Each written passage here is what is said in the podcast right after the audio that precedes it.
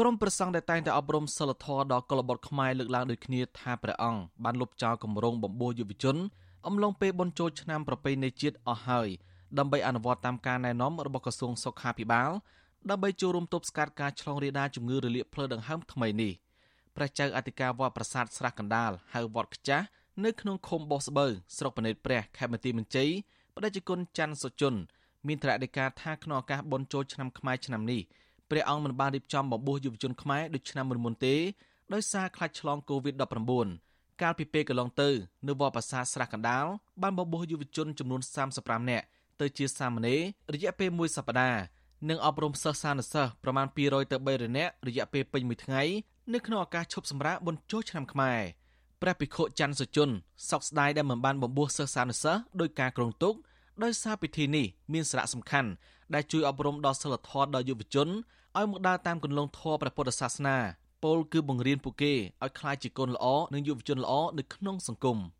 ដើម្បីឲ្យក្លាយទៅជាយុវជនល្អម្នាក់ទាមទារកត្តា3យ៉ាងធំធំ ទី1ឪពុកម្ដាយហើយទី2លោកគ្រូអ្នកគ្រូសាលារៀនដែលត្រូវចូលរួមក្នុងចំណែកនៃការអប់រំហ្នឹងហើយ ទី3គឺសង្គមអញ្ចឹងមេដាបេដា20%គ្រូនៅសាលាហ្នឹង20%សង្គម60%អញ្ចឹងបើសង្គមមិនបានផ្ដោតទៅលើយុវជនចូលរួមអប់រំសិលធម៌ដល់ពួកគាត់ទេអាត្មាគិតថាវាមានបញ្ហាប្រឈមច្រើនដោយយើងមើលឃើញតាមជនបទខ្លះយុវជនខ្លះក្មេងមិនតាន់ខ្លាយទៅជាយុវជនពេញលេញផងគាត់ចេះទទួលទានសុរាចេះប្រើប្រាស់គ្រឿងញៀនគាត់ចេះប្រព្រឹត្តអបាយមុខអីផ្សេងផ្សេង ដូចគ្នានេះដែរព្រះចៅអធិការវត្តប្រាសាទគោកចកនៅក្រុងសៀមរាបខេត្តសៀមរាបបដិជគុណហែមកំសានមានថ្នាក់ដឹកការថាបុណ្យចូលឆ្នាំប្រពៃណីខ្មែរឆ្នាំនេះព្រះអង្គមិនបានបបួសក្រុមយុវជននោះទេដោយសារតែមានការរីករាលដាល COVID-19 ព្រះភិក្ខុជនមេយុ45វស្សាអង្គនេះឲ្យដឹងទៀតថាកាលពីមិនទាន់មាន COVID នៅកម្ពុជាព្រះអង្គតែងបំពុះកុលបុត្រខ្មែរប្រមាណ1000នាក់ទៅជាសាមណេរនៅតំបន់ប្រាសាទអង្គរវត្តរយៈពេលមួយសប្តាហ៍នៅក្នុងឱកាសបុណ្យចូលឆ្នាំខ្មែរនេះ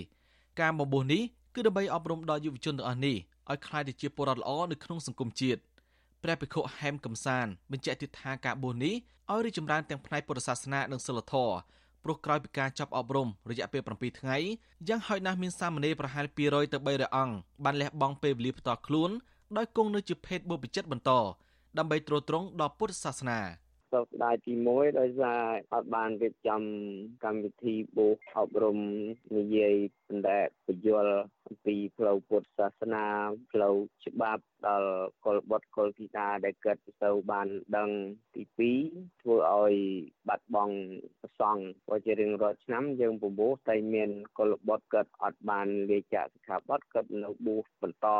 ទៅកើតសិក្សានៅពុទ្ធកបល័យឬក៏វិជាផ្សេងផ្សេងបន្តទៅទៀតហើយទី3ហ្នឹងយើងអត់បានអប់រំដើម្បីចូលរួមជាមួយសង្គមករណីលុបចោលពិធីបំពោះយុវជននេះពុំមែនមានតែប្រសងប៉ុណ្ណោះទេដែលសោកស្ដាយសម្បីតែអាណាព្យាបាលសិស្សមួយចំនួនក៏សោកស្ដាយហើយព្រួយបារម្ភខ្លាចកូនខ្លាចជាមនុស្សមិនល្អនៅក្នុងសង្គមដែរ ប្រជាប្រដ្ឋម្នាក់នៅក្នុងក្រុងស្រីសុផនខេមរទីមន្ជ័យលោកស្រីឈៀងសុភីបថ្លែងថាលោកស្រីសោកស្ដាយយ៉ាងខ្លាំងដែលប្រសង់មិនបានបបួលយុវជននៅក្នុងឱកាសបុណ្យចូលឆ្នាំខ្មែរលោកស្រីប្រាប់ថាកន្លងទៅលោកស្រីតែងតែបញ្ជូនកូនបបួសនៅពេលឈប់សម្រាកវ៉ាកងតូចនៅប្រាសាទស្រះកណ្ដាលនៅក្នុងស្រុកបណេព្រះជារៀងរាល់ឆ្នាំលោកស្រីបញ្ជាក់ថាការបបួសនេះគឺធ្វើកូនលោកស្រីសុភារៀបសារហើយមានមេត្តាធម៌អធិស្ស្រ័យដល់មនុស្សដូចគ្នា អឺបើសម្រាប់ខ្ញុំវិញខ្ញុំគិតថាអត់បានមានកម្មវិធីបួសអញ្ចឹងគួរសោកស្ដាយដែរដោយសារអីការបួសនេះធ្វើអប់រំដល់កូនចៅដល់កូនរបស់យើងឲ្យគាត់ដឹងអំពីគួរទៀបអ្វីគួរអ្វីមិនគួរ ហើយបើសិនជាយើងអត់បានបង្កើតកម្មវិធីបបួសកម្មវិធីអីចឹងចិត្តបិទបិទការបបួសអញ្ចឹងដូចថាធ្វើឲ្យអ្នកដែលចង់បួសចិត្តចាក់ឆ្ងាយអំពី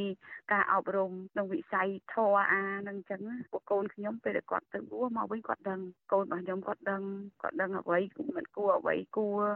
កាលពីថ្ងៃទី2ខែមេសាក្រសួងធម្មការនិងសាសនាបានណែនាំដល់គ្រប់វត្តអារាមឲ្យជៀសវាងការរៀបចំពិធីសាសនាឬក៏ការជួបប្រជុំទាំងឡាយណាដែលមានភាពអ៊ូអរ ក្រសួងក៏បញ្ជាឲ្យចាអធិការវត្តត្រូវអនុវត្តឲ្យបានខ្ជាប់ខ្ជួនតាមការណែនាំរបស់អាជ្ញាធរដើម្បីទប់ស្កាត់ការរាលដាល COVID-19 តាក់ទងនឹងបញ្ហានេះអ្នកនាំពាក្យក្រសួងធម្មការនិងសាសនាលោកសេងសុមនីប្រាប់អាស៊ីសេរីថាអ្វីត្បិតតែមិនបានរៀបចំពិធីសង្ក្រាន្តឆ្លងឆ្នាំថ្មីនៅតាមទីវត្តអារាមហើយគ្មានការបំពោះអប់រំកុលបុត្រអំឡុងពេលនេះក្តីប៉ុន្តែក្រសួងនៅមានការចាត់ផ្សាយការអប់រំផ្នែកពុទ្ធសាសនានៅតាមវិទ្យុនិងទូរទស្សន៍ដដែលលោកបញ្ជាក់ថាការធ្វើបែបនេះ នឹងជួយអប់រំដល់ពលរដ្ឋខ្មែរឲ្យយល់ដឹងពីគុណធម៌និងទំនៀមទម្លាប់ល្អតាមបែបព្រះពុទ្ធសាសនា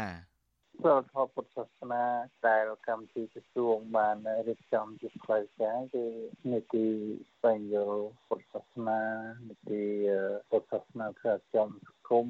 កម្មវិធីអប់រំនេះគឺត្បិតតែសងលោកសម្ដែងឬក៏ទេសនាប៉ុន្តែ តែតកតងនឹងរឿងសិលធម៌នៅក្នុងសង្គមរឿងសតចរាចរណ៍រឿងជំងឺអេដរឿងអំពើបាញ់មុខផ្សេងផ្សេងទៀតដូចជាការដែលយើងប៉ះពាល់ដល់ច្បាប់នៅក្នុងសង្គមហ្នឹងយើងសងតែទៅផ្សារភ្ជាប់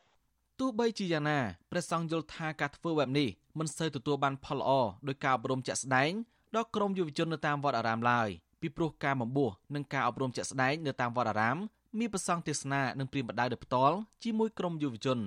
ព្រះអង្គជឿថាសកម្មភាពទាំងនេះនឹងធ្វើឲ្យក្រុមយុវជនឆាប់យល់ដោយលះបង់អំពើអាក្រក់ចោលហើយងាកមកធ្វើអំពើល្អនៅក្នុងសង្គមតាមការព្រាមបដៅរបស់ពុទ្ធសាសនា